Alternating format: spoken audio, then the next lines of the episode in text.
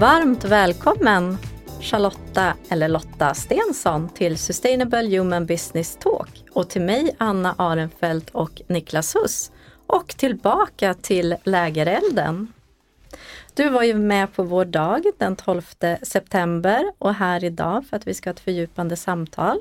Och du var med i samtalet om chefen och det som vi har tänkt fördjupa med dig idag, det som vi tar liksom som utgångspunkt, det är ju det här att vi pratade mycket då om engagemang och hälsa, att vilka krav kan man ställa som arbetsgivare på sina medarbetare när det kommer just till engagemang och den egna hälsan. Och hur kan man också som chef tänka kring det här med gränserna kring att bry sig om sina medarbetare och att stödja dem. Så det är liksom lite grann ramen. Men vi tänkte eh, först bara så här, vad är dina reflektioner efter den här dagen? Nej, men det, var, alltså det är ju fantastiskt att lyssna på olika perspektiv och hur eh, det ändå finns personer som drivs av att vi ska hitta någon form av fungerande eh, tillvaro som arbetstagare och som arbetsgivare och att det måste finnas någon form av balans. Det är väl det som vi ska sträva emot. Så att, så att de olika perspektiven, och jag jobbar ju med ett perspektiv och det är ju arbetsgivarperspektivet i dagsläget. Det är ju det jag jobbar med men, men som sagt det finns ju många pusselbitar som, som hör ihop och som eh, ska fogas samman på något sätt. Mm. Så det är spännande tycker jag. Mm. Jag tänker att det är just de här många perspektiven vi behöver ta oss tiden till att ta också för att hitta nya vägar framåt. För just nu känns det som att vi i samhället är inne i någon negativ spiral, liksom med ökad ohälsa och så vi behöver ju liksom bryta det här på något sätt. Mm. Men jag tänker så här, eh, jag går lite pang på här, liksom. ett litet dilemma som jag har funderat på som jag tycker att jag hamnar i många gånger när jag hjälper företag och sådär. Att man kanske har en medarbetare som inte fungerar så bra. Den personen, det låter så hårt att säga, men man liksom levererar inte det man förväntas leverera helt enkelt. Och arbetsgivaren kan se, eller chefen då är det ju närmaste chefen ofta, som ser att men det här handlar nog om den här personens liv och liksom hur livet eh, ser ut där utanför. Liksom hur gör man då som chef och vad har man liksom för Ja, vad kan man, vad kan man göra helt enkelt? Ja, alltså utgångspunkten är ju förstås att man ska, ska alltså, ett anställningsavtal innebär ju att, att jag ska utföra arbete och för det får jag lön och jag ska göra en fullgod prestation. Att det är ju det som arbetsgivaren förväntar sig av mig. Sen är det ju en, ändå så att det är klart att ett, en anställning pågår kanske under väldigt lång tid. Det kan pågå i decennier. Eh, och det är klart att livet går upp och ner under den perioden och det är ju förstås någonting man som arbetsgivare också måste Eh, hantera och acceptera i, i viss utsträckning. Sen får ju inte det ta överhanden. Eh, och någonstans som arbetsgivare så kan man ju försöka stötta någon som har, om man har en eh, skilsmässa eller det kanske är dödsfall i familjen eller någonting som, som problem med barn som det är ganska stor utsträckning idag. Många, som, många barn och ungdomar som mår dåligt och det påverkar ju föräldrarna väldigt mycket. Det att förstås stötta personer i den här situationen men någonstans så, så är det ju fortfarande någonting som hör till privatlivet. Eh, och hur mycket får det där egentligen spilla över? Och någonstans måste man också sätta ner foten som, som chef och säga att men, ja, du kanske ska ta en, gå ner i tid, du kanske ska ta en paus. Och bara, alltså, för, för, just för att kunna komma tillbaka också. Mm. För det är ju inte, arbetsgivaren kan ju inte lösa det som ligger i privatlivet. Man kan stötta, man kan hjälpa till med verktyg, samtalsstöd och sådana saker. Men, men ytterst är det ju individen själv som faktiskt måste hantera sitt privatliv. Mm. För du, ja, för, varsågod Niklas ja, nu bara jag gick igång på det här och, och, ville verkligen djupdyka lite men också kanske problematisera eh, just det här med vad är egentligen källan till att jag inte mår bra? Och svårigheten att göra den scanningen när jag kanske som människa själv inte eh, har svaret. Är det kopplat till arbetsplatsen, att jag inte känner att jag är på rätt plats i det jag gör? Eller är det hemmet? Och och hur påverkas jag som människa när jag inte är i balans? Det får en påverkan både på mina arbetsprestationer i min förmåga att samarbeta, att tänka kreativ och vara engagerad, ta initiativ. Men det påverkar också min förmåga att vara närvarande med mina barn eller min sambo och fru och, och, och ta hand om mitt hus och allt runt omkring. Och var, var, var ska man hitta de svaren? Har vi verktyg att kunna klara av att hitta det och samtidigt vikten av att ha en trygg punkt när det är stormigt. Till exempel då om det är stormigt i, på jobbet så är det viktigt att ha hemmet. Mm. Och när det är stormigt i hemmet så att känna sig behövd på jobbet. Fast jag inte är 100% så är det helt avgörande för att inte komma ut utanför. Mm. Och, ja, var går balansen där? Det, det, är ju en svår fråga men som sagt som chef, som, om man då har en medarbetare som, som man märker mår dåligt så är det ju förstås, då måste man ju försöka grotta lite grann i det här och se genom samtal och se men vad, är, vad tror du själv att problemet ligger någonstans. Och handlar det om, om arbetssituationen, det är ju någonting som en chef måste hantera förstås. Eh, och arbetsmiljön, alltså, har vi en bra bemanning, har vi en bra organisation, har vi ett bra tilltal. Eh, alltså det finns ju kränkningar på arbetsplatser som förstås innebär att folk mår extremt dåligt. Det här måste man ju fånga upp som chef. Mm. Och sen får man ju försöka då eh, med samtal komma fram till, ja, men, kan jag göra någonting som chef? Och vad kan jag i sånt fall underlätta? Är det någonting i din arbetssituation som, eller är det något som är temporärt eller inte? För men, får, vi, men... får vi utbildning i detta? Jag har ju själv varit chef mm. och jag har ju sett vad jag har fått och inte fått. Och har jag förmågan att kunna ta den liksom lite som en läkare går in och opererar och ser vad felet är för att kunna skära på rätt ställe mm. och inte på fel. Så, så den skanningen och också den insatsen. Och, det är jättesvårt och komplext att kunna jobba och mm. operera på den nivån. Dels behöver du ju ha en, en, ett lagom antal underställda, för har du för många så hinner du inte. Nej. Så, att, så att det är klart att alltså vi har ju många eh, idag medarbetarsamtal i de flesta på de flesta arbetsplatser men frågan är ju också vad man tar upp i de här samtalen. Och det är klart att man är ju olika duktig på det här. Men sen är det frågan om man fått stöd i, i, hur man håller samtal och vad man ska ta upp överhuvudtaget. Det ligger ju alltid en arbetsmiljöbit i medarbetarsamtalet som man ändå ska eller bör plocka med sig mm. i diskussionen. Men eh, jag tror att alltså, som chef så är det ju det är lätt att tro att man bara jobbar med verksamhet och att man ska nå resultat och, och sådana saker. Men det handlar ju jättemycket om att hantera människor hela tiden. Mm. Eh, I upp och nedgångar och, mm. och, både stötta i jobbet och att få folk att fungera.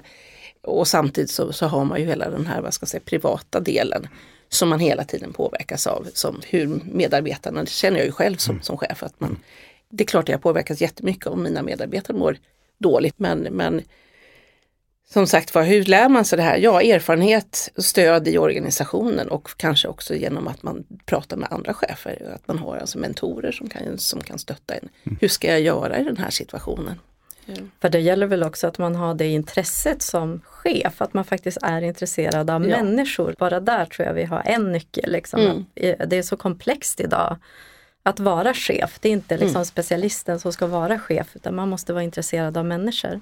Men en sak som jag satt och funderade på för du nämnde ju i början där, eh, ja men det kan vara en skilsmässa eller dödsfall, alltså att det händer sådana akuta saker. Mm. Men det jag tycker mig se också det är att det finns väldigt mycket ohälsa och kanske att vi inte presterar så bra relaterat till våra livsstilar. Mm. Vi ser till exempel att svenskens kondition har ju sjunkit eh, drastiskt sedan mitten på 90-talet. Idag är det ju nästan hälften av oss som har liksom en hälsofarligt dålig kondition. Och det gör ju också att vi inte orkar med våra mm. vardagsliv. Mm. Eller man kanske sover för lite, man tittar för mycket på Netflix, man träffar inte sina vänner, man har kanske tappat meningen med livet. Liksom. Alltså de här lite existentiella frågorna mm. också. Hur kommer man åt det? Liksom? För det är ju så otroligt viktigt för ja, men engagemanget mm. och eh, att kunna vara närvarande där man är och känna att ja, men jag är på en bra plats i livet. Då gör man ju också ett bra jobb. Har vi det för bra så att vi har tid att känna efter. Jag bara, jag, det är också mm. en fråga med, med våran resa i Sverige och i västvärlden. Och vi kan känna efter. Har det en sån koppling också? Mm. Ja, för det är klart att vi har ju all teknik i världen idag som underlättar i hemmet och i, på jobbet och alla saker. Om man tänker sig om man går 50 år tillbaka eller 100 år tillbaka så är det klart att tillvaron är ju betydligt mer bekväm. Men samtidigt så kan man säga att å andra sidan så har vi ett informationsflöde som vi hamnar i som är enormt och som, som man inte var i närheten. Alltså, när, man, när jag började jobba då skickade man ett brev och så kunde man ju liksom vänta i två dagar.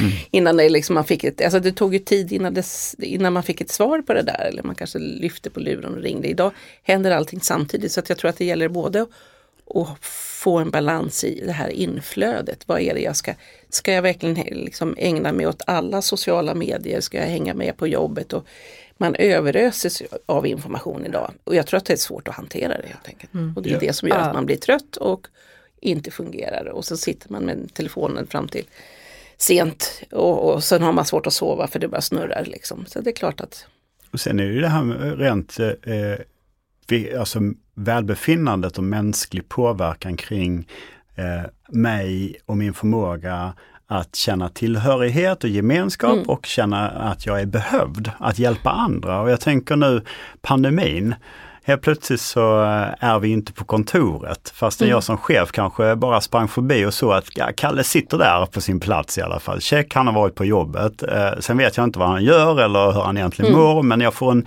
en, en, en intention att ja, men det, det är bra liksom. Eh, och så springer jag på möten. Men nu när chefen inte har medarbetarna och ser dem dagligen och hur är din känsla eller upplevelse kring chefskapet och att vara ledare och kunna hantera de här frågorna när vi inte är på kontoret lika ofta? Har vi fått stöd och, och hjälp för att ta det vidare? Har det blivit bättre? Har det blivit sämre? Vad, vad, vad är ändringen eller förändringen? Alltså, å ena sidan kanske det har blivit en, en lättnad för många att kunna sitta hemma eh, kanske någon eller några dagar i veckan för att det, så det så kallade livspusslet funkar bättre. Eh, samtidigt så kan det ju bli en kvinnofälla för det, det, kan man också se att det kanske är kvinnorna som sitter hemma väl, i större utsträckning för att kunna hämta och lämna barnen. Samtidigt så är det ju hur ska jag som chef förstå om någon mår dåligt? Det är ju väldigt svårt om man bara träffas eh, digitalt. Det är ju, och där är det ju i våran rådgivning när vi möter företag som har problem eh, och det kan ju vara missbruksproblem, alkoholproblem, allt möjligt. Alltså hur upptäcker man det? Förut kom man till jobbet och då kunde man se att, att ja, det här är en person som kanske har ett missbruksproblematik. Idag kan man ju gömma sig hemma och det, jag tror att det är viktigt att vi kommer till jobbet. Jag tror att det är viktigt att vi ses. Sen kanske det ska finnas någon form av lagom balans mellan mina intressen av att jobba hemifrån och arbetsgivarens intresse att faktiskt träffa sin personal. Och jag tror också att det är viktigt för, för välbefinnandet att faktiskt mötas.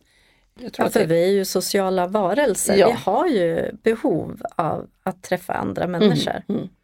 Och där tänker jag att jobbet, arbetsplatsen fyller ju en viktig funktion där faktiskt. För det är ju inte så många andra naturliga platser i dagens tidsanda där vi träffar andra människor Nej. heller. Det är få som har någon hobby eller liksom Ibland hör man någon som är med på någon kör eller något sånt där men ofta är det ju inte så. Och däremellan så går man med hörlurar och inte hör någonting. Alltså, Nej. Man, ja. alltså folk är ju inne i sin egen bubbla hela tiden. Mm. Hur, hur, kommer man ut ur bubblan? Det är mm. inte. Jag, jag eh, fick höra häromveckan en intressant ny mätning från ett företag som mäter arbetsplatser liksom, eh, och följer upp hur människor mår och förtroendet och så vidare. Och det visar sig att förtroendet för sin närmaste chefen hade ökat om man tittar på mätningar från flera olika, eh, medan förtroendet för ledningen hade minskat under den senaste perioden här kopplat till pandemin och efterhand. Mm.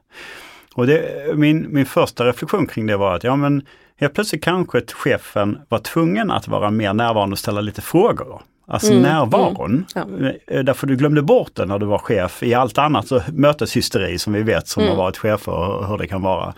Så att jag var närvarande och ställde frågor, fast digitalt kanske. Mm. Medan ledningen kom ännu längre bort ifrån mm. för att man inte är där och man kommunicerar och, och, och, och, är inte närvarande och får inte vara närvarande i besluten eller i framtiden. Vad, vad tänker du om, om det och, och har du Nej, det är klart att det, det, ligger ju i sakens natur att man som närmaste chef ändå har den mesta kontakten med, med eh, sin, sin grupp och det är klart att eh, om ledningen även tidigare var lite avlägsen så har den väl blivit ännu mer avlägsen om man, om man faktiskt inte träffas i det dagliga arbetet. Så det är klart mm. att, att då, måste ju, då måste man ju som ledning försöka hitta andra metoder att, att samlas och, och få den här känslan. Ibland kan man nästan vara lite provocerad av folk som bara vill sitta hemma och då tänker man, men ska du äntligen vara anställd då eller ska du vara din egen? Eh, om man också som arbetstagare säger att nej, jag, jag vill helst sitta mest hemma. Och det kan man ju också säga som arbetsgivare, ska jag, om jag skickar hem alla, ja, men, är det egenföretagare vi ska ha istället? Eller ska vi ha anställning? En anställning handlar ju också om att man ingår i en gemenskap.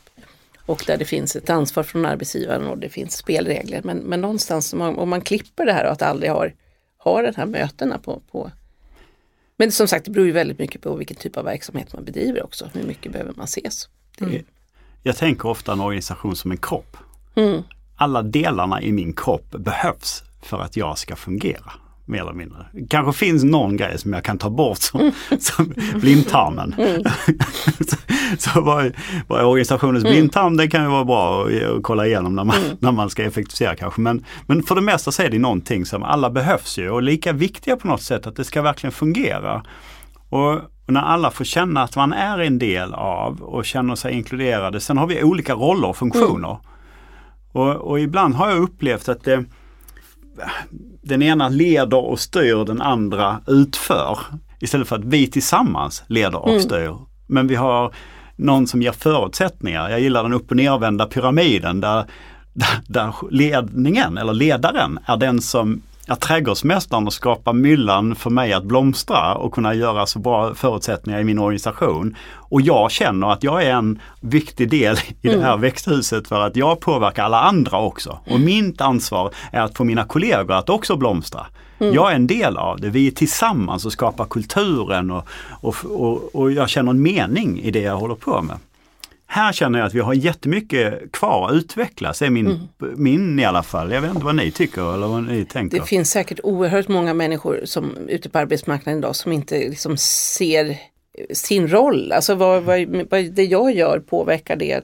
Alltså, och har man inte det här att man är en viktig pusselbit i verksamheten, jag menar Jobbar man med lokalvård, ja hur ska jag förstå att jag är en pusselbit i det här? Mm. Ja det handlar ju om, om trevnad och trivsel och sådana saker. Men just att känna mening i det man gör och att man känner att man bidrar, det tror jag är jätteviktigt mm. för, för den enskilda individen. Och hur skapar man det? Ehm, det är ju jättesvårt många gånger. Mm. Men som sagt, det handlar om till... företagskultur också, hur man tar hand om det här egentligen. Mm. Men om vi lite tillbaks till mitt dilemma som jag tror många chefer kan sitta i, att man kanske har då en medarbetare som inte förstår vilken del av kroppen man är. Jag kanske är en del av handen och jag är lillfingret men det här lillfingret liksom jobbar på helt fel sätt. Liksom. Mm. Vad har man då för verktyg som arbetsgivare? Liksom? För vi har ju det här först in först ut liksom, när det gäller Alltså hur, det handlar, hur kan man jobba i ett sånt läge liksom, ja. när man känner att vi, vi försöker och vi försöker förklara mm. liksom, din roll men vi får inte inte tillbaks det vi förväntar oss. Mm. Hur, vad har man för Alltså då är det ju, det, det, som sagt det handlar ju om att vara tydlig som arbetsgivare vad, vad, vad man vill att det ska levereras och på vilket sätt. Och, och, och, som sagt man kan, man kan acceptera att folk under perioder då kanske har svackor och sådär. Men ytterst handlar det ju om att man då i, i samtal och tillsägelser försöker få någon att springa åt rätt håll, att rätta mm. in sig lite grann i det. Så här funkar det hos oss och det här vill vi att du ska respektera och, och fortsätta med. Och ytterst skulle det ju förstås kunna vara, vilket det idag är ändå är väldigt svårt, det är ju att man går skilda vägar. Eh, och en uppsägning av personliga skäl, det krävs ju ganska mycket för att det ska kunna, då ska det vara ganska mycket materia för mm. att man ska kunna klara det. Och idag är det ju nästan inga uppsägningar av personliga skäl blir ju uppsägning utan det blir ju någon form av överenskommelse. Mm, att, att, man, man köper, ut, man köper ut någon. Och, och, det som jag säger till ibland till arbetsgivare som är förtvivlade och undrar hur, hur gör vi? Och då frågar de, ja men har vi tillräckligt med på fötterna? Ja, mm, det är ju svårt att säga men, men som sagt sen är ju frågan fri. Man kan alltid gå in till någon och säga alltså det här funkar inte. Jag tycker vi ska gå skilda vägar. Sen är det frågan om vilken prislapp det blir på det. Mm. Och ju mer man har i, i vågskålen som arbetsgivare, ja men vi har ju hållit på nu i ett helt år och försökt med uppföljningar och handlingsplaner kanske om man har liksom försökt få någon att förstå att, att det är åt det här hållet du ska eh, jobba. Och ju mer sånt desto mm. då blir det ju kanske till slut att man inser som arbetstagare att ja, min chef uppskattar i alla fall inte mig, jag kanske ska skaffa en annan chef mm. mm. på ett annat företag. Mm. Och då är det ju oftast är det ju många gånger, det märkte jag även när jag jobbade på den fackliga sidan, att när man väl har gjort den här vad ska jag säga, skilsmässan på arbetsplatsen, att man har gått skilda vägar eh, med ett utköp. Så efteråt så är det ofta så att arbetstagarna är ganska inser sen att det här var nog det bästa. Mm. Därför att man fastnar i någonting och sen, alltså vi har många företag där, där vi har arbetstagare som vantrivs men som ändå biter, alltså som vantrivs som biter, sig, biter sig fast för att det, det är det här jag har, det här är det jag känner till, det, det här är min mm. trygghet mm. ändå fast jag och så ställer man frågan, men trivs du på arbetet? Jo, det gör jag, vet men det visar sig ju inte i din, din handling på något nej, sätt. Nej, precis. Men, men jag tror ju att vi, är ju, vi har ju kanske en, vad ska säga, en grundtrygghet på arbetsmarknaden som ibland är lite för trygg. Det vill säga att man vågar inte ta, om man då faktiskt inte trivs, mm. att man vågar inte ta språnget ut. Du ska vara ganska stark som person. Mm. Och då blir det till slut att man, man springer in i, i återvändsgränden och till slut så så orkar man inte, ja så sätter man i foten som arbetsgivare och säger nej men nu måste vi ha en Sen kan man ju lösa det i en arbetsbristsituation eller att man gör en omorganisation och på det sättet mm. lösgör. Men mm. just det här när man har någon som faktiskt inte funkar i sin roll till slut så, så måste man ju väga, har vi tillräckligt med på fötterna för att vi ska kunna mm. gå vidare med en uppsägning och ibland påbörjar man ju det men det slutar i ett utköp. Mm. Det blir någon form, alltså man löser det med pengar. Det helt enkelt. Det, Mm. Och det kanske är, det, det kan verka cyniskt men det är å andra sidan det verktyg man har och det är kanske också det som är det bästa i det långa loppet. Att man, mm. För då ger man också man tar ett litet ansvar som arbetsgivare ja. att ge den här personen möjlighet att söka sig någon annanstans. Men mm. jag tänker att i den bästa av världar skulle vi ju jobba väldigt så proaktivt med de här frågorna så att vi har en väldigt hög tillit på arbetsplatser. Vi har liksom en ständigt pågående dialog kring liksom uppdraget och mm. vad är min del i uppdraget och ja, men trivs du verkligen med det här nu då? Eller, eh, och det känns som att det finns ju lite låsningar på arbetsmarknaden också. Det är inte så himla lätt att byta jobb heller utan det verkar ju vara liksom ett, eh, ett arbete i sig. Liksom. Mm att ta sig någon annanstans. Och liksom. Beroende på var du bor någonstans i, i, mm. i landet så är ju inte förutsättningarna, i, men här i storstadsregionen finns det ju mycket mer att söka men, men sitter man på en mindre ort och du kommer på kant med arbetsgivaren eller det inte funkar så är det inte så himla lätt att säga men byt jobb eller sök dig vidare. Och mm. som sagt, det, mm, då stannar man oftast kvar och vantrivs och, och gör mm. sig själv olycklig och om, omgivningen också. Mm. För det tänkte jag är den andra delen i det här att dialogen och tilliten på arbetsplatsen men sen också på något vis träna oss i självledarskapet i våra egna liv mm. så att vi inte hamnar i det där, blir fast i, sitt, i ett missnöje, mm. kanske leder till en bitterhet mm. som sipprar ut både på jobbet och hemma men vi liksom vi är fast i bara gamla mönster, vi mm. tar inte det ansvaret för våra egna liv det är faktiskt en gåva att vi, att vi får leva liksom. Mm. Men, men, vi bara halkar in på någon utbildning, halkar in på något jobb och, och så är vi kvar där. Liksom. Vi, där tänker jag att alla människor har liksom ett, ett eget, framförallt intresse egentligen, borde vi ha. Men jag, att Niklas vill säga någonting. Ja, alltså det är så mycket nu när jag bara lyssnar på er i detta. Så jag, jag gör liknelser och reflektioner till ett, ett, ett samboskap, eh, giftermål också. Här. Mm. När vi slutar kommunicera med varandra och vi ser varandra som ett aktiebolag och vi glömmer bort varför vi är tillsammans som ett par. Och eh, den relationen mellan samspelet mellan två människor blir bara ett, ett bolag som ska hantera sina barn eller familjen och vardagen. Mm. Och jag får en sån, när jag bara lyssnar och så känner jag och så reflekterar jag på vad jag upplevt i organisationer, det är att när vi tappar bort att vi är här tillsammans och mm. vi har en öppenhet och vi lyssnar in och vi skapar tillsammans och vi känner att jag behövs lika mycket som du men vi har olika funktioner, vi har olika förmågor. Och jag tror att vi måste börja utveckla liksom de förmågorna att samskapa och verka tillsammans. Eh, det är då också chefen behöver kanske utveckla och få stöd. För mm. just nu så tror jag att en av de tuffaste rollerna det är att vara chef idag. Mm. Alltså eh, det är en jättetuff och nog ganska ensam roll.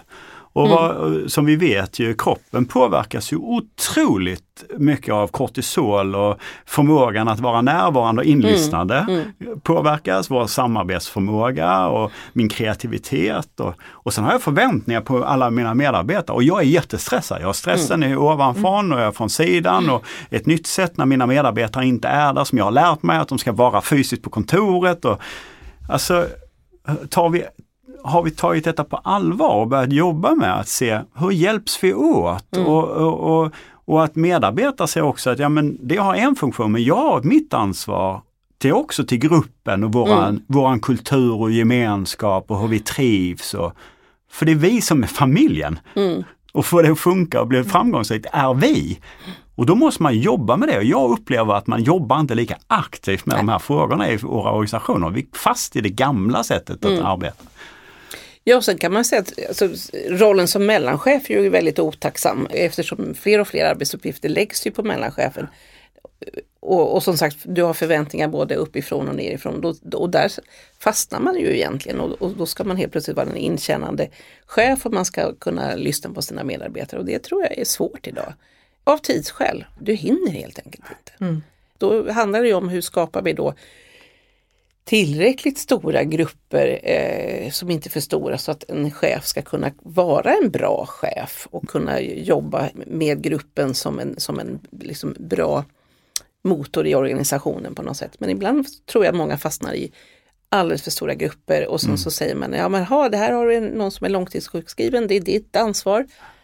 Ja, å ena sidan kan man säga det är klart att det är du som närmaste chef som ska ha din kontakt, närmaste kontakt med en person som är långtidssjukskriven. Men går det för långt och det, man till slut hamnar i den här situationen, ska vi, kan den här personen komma tillbaka till mitt jobb? Ja, då är det ju egentligen en, en, en organisationsfråga. Då ska ju HR, så vilket stöd får man i de här väldigt, väldigt svåra situationerna som man har? Personer som inte funkar, sjukskrivningar och sånt som chef. Det är skitsvårt. Det är... För vi, vi, jag tänker också ibland, vet man om vad det är för arbete som cheferna gör eller vad som pågår. Det är också så här, det blir ett avstånd i sig. Man ser, mm. vi jobbar med det operativa arbetet, de håller på med någonting där borta. Det blir ofta det här vi och de eh, med en ledningsgrupp eller, eller på samverkan där jag jobbade där vi inte hade några roller och titlar. Mm. Och då satt vi alla runt och lyssnade. Det inspirerade en, en arbetsgivare i att ha transparenta, öppna ledningsgruppsmöten mm. utanför mötesrummet. Mm. Där alla hade möjlighet att sitta med och lyssna. Och det mm. skapar ju helt plötsligt dels en förståelse, vad är det vi diskuterar, komplexiteten i mm. frågorna, mm. men också möjligheten att de som är närmast det som händer i organisationen, de perspektiven som man kanske inte alltid känner till, de kunde komma fram efteråt mm. för att man hade liksom, ni pratar om det här, här är någonting som händer som jag tror kan vara värdefullt i mm. den här frågan som ni diskuterar och försöker hitta lösning på. Helt plötsligt fick man en förståelse och det är det här med transparent och mm. lyssna. Och mm. Jag har en liknelse också. Eh, har jobbat med Mindshift, en, en rörelse för att skapa framtidens liksom livsmiljöer med välbefinnandet som det viktigaste. Arbetsplatsen, skolan eller bostadsområdena. Mm. Där vi ser välbefinnande som vår viktigaste tillgång. Och ett exempel där, det var ju i Uppsala. De sponsrar vad heter det, idrottsklubbar, ju, eh, mm. länsförsäkringar eh, med pengar då. Och eh, där är ju vassa vuxna som är vi som föräldrar. Men vi kan inte hantera egentligen barn som mår dåligt. Vi har inte någon utbildning kring det. Men Folkhälsomyndigheten har tagit fram en, en utbildning som heter Ledare som lyssnar. Men det är ingen som går den för ingen känner till den. Men då sa Uppsala länsförsäkringar så här, ja men om ni ska få sponsring av oss, då vill vi att ni går den här gratisutbildningen. Och helt plötsligt så fick vuxna, som både som förälder kan använda mm. som men också som ledare, den utbildningen, gick man den, två timmars utbildningen och fick massa kunskap kring hur jag bara är närvarande och lyssnar och ser mm. signaler. Mm. Så hur bygger vi liksom förutsättningar, utvecklar, mm. vilka incitament och hur mäter vi? Så här. Det var bara ett exempel ja, på att, ja. för jag tror att dagens chefer mm. har ju en jättetuff utmaning i det här mm. nya systemet och sättet vi arbetar. Som, mm. och, och en, eh, organisationer som får besparingar och ska hitta nya lösningar och samtidigt balansera det operativa. Mm. Då får man förutsättningar. Mm. Och det här med att man ska liksom vara observant på tidiga signaler på ohälsa mm. och sådär. Det kan ju finnas också en rädsla att liksom ställa frågan. För det tycker jag mig ha hört många chefer att liksom, jaha, men om jag då får veta att de har det jättebesvärligt att nästan blir så att man måste gå in och hjälpa också.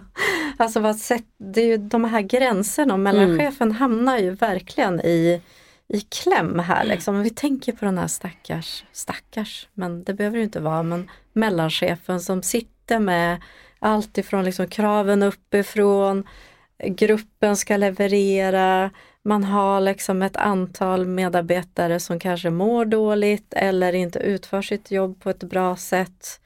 Vad kan man göra liksom? Hur ska man tänka för att reda upp i allt det här? Jag tror man måste som arbetsgivare eh, ta liksom ett, dels förstå komplexiteten som chefsrollen ser ut idag och, och fundera på hur gör vi som organisation för att stötta just cheferna i den rollen. Och det är klart att det kan vara chefsutbildning, det kan vara regelbundna chefsträffar, man kan ta upp olika teman där man liksom diskuterar det här som är svårt, mm. som handlar om människor. Och då, då får man ju kanske ta in extern kunskap i organisationen, att man går på kurser eller att man har diskussioner och chefsforum eller vad man nu kan. Det beror ju på storleken på organisationen också. Vad man mm. kan.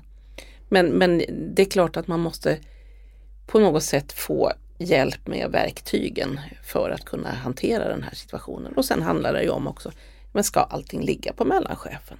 Vad ska mm. vi plocka bort? Mm. Mm. Det, något måste vi, vi lägger ju bara på saker, man kanske ska plocka bort någonting. Jag tycker det var fint det där att liksom någonstans avsluta i det här att hjälpa cheferna med de här mellanmänskliga frågorna. Mm. Vi vill ju skapa ett mänskligare samhälle och att då liksom fokusera mer på det mellanmänskliga även på arbetsplatser. Och då kanske det också gäller att vi vågar ta bort våra rustningar eller sköldar eller de här kostymerna där vi kan gömma oss och kanske inte blir så mänskliga. Att vi kan ha förståelse för varandra och mm. lyssna in varandra, för vi har bara olika funktioner. Mm. Och i, i, den omgivning som vi är, som är rätt tuff och, och förändras och vi bombarderas i nyheterna med allt möjligt mm. galet. Liksom. Mm vi måste börja bli ännu mer mänskliga mm. fastän vi har eh, en, en roll som ledare eller, eller chef eller som medarbetare. Mm. För alla är vi ledare på ett mm. eller annat sätt. Mm. Vi är alla ett ansvar och vi är alla en gemenskap som, mm. som behövs för att vi ska vara framgångsrika som organisation. Mm. Men det som är allra härligast är när jag möter någon som inte sätter sig och använder sin formella roll i mitt samtal, särskilt inte kring de här frågorna. Då behöver jag någon som känner ja men det är en människa där också. Mm. Men sen kan man vara tydlig med att vissa saker behöver vi göra förändringar på, för det funkar inte. Men jag kan ha en förståelse, jag kan vara mänsklig. Mm. mm. Då tror jag att vi kan lösa mycket. Vi har ju pratat så mycket om att vi ska vara så professionella på jobbet och sen skulle vi, ja, men vi ska kunna vara personliga men vi ska inte vara privata. Och jag kände bara, men vi tar bara bort det där liksom och så, och så blir vi bara människor liksom mm. som har lite olika roller. Mm.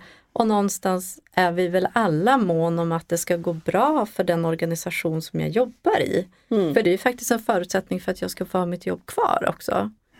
Så det finns ju liksom... Det måste ju finnas vad ska jag säga, tillit i organisationen. Man måste kunna känna, känna att jag kan få plats i den här organisationen så som, så, som jag är. Ja. Eh, sen måste jag bidra med min liksom. pusselbit och jag mm. måste faktiskt leverera det på ett bra sätt också. Och som sagt, gillar jag inte den här pusselbiten då kanske jag ska ta mig någon annanstans i sånt fall. Det tycker jag var jättebra avslutsreplik. Så stort tack Lotta tack för att du kom hit. Tack.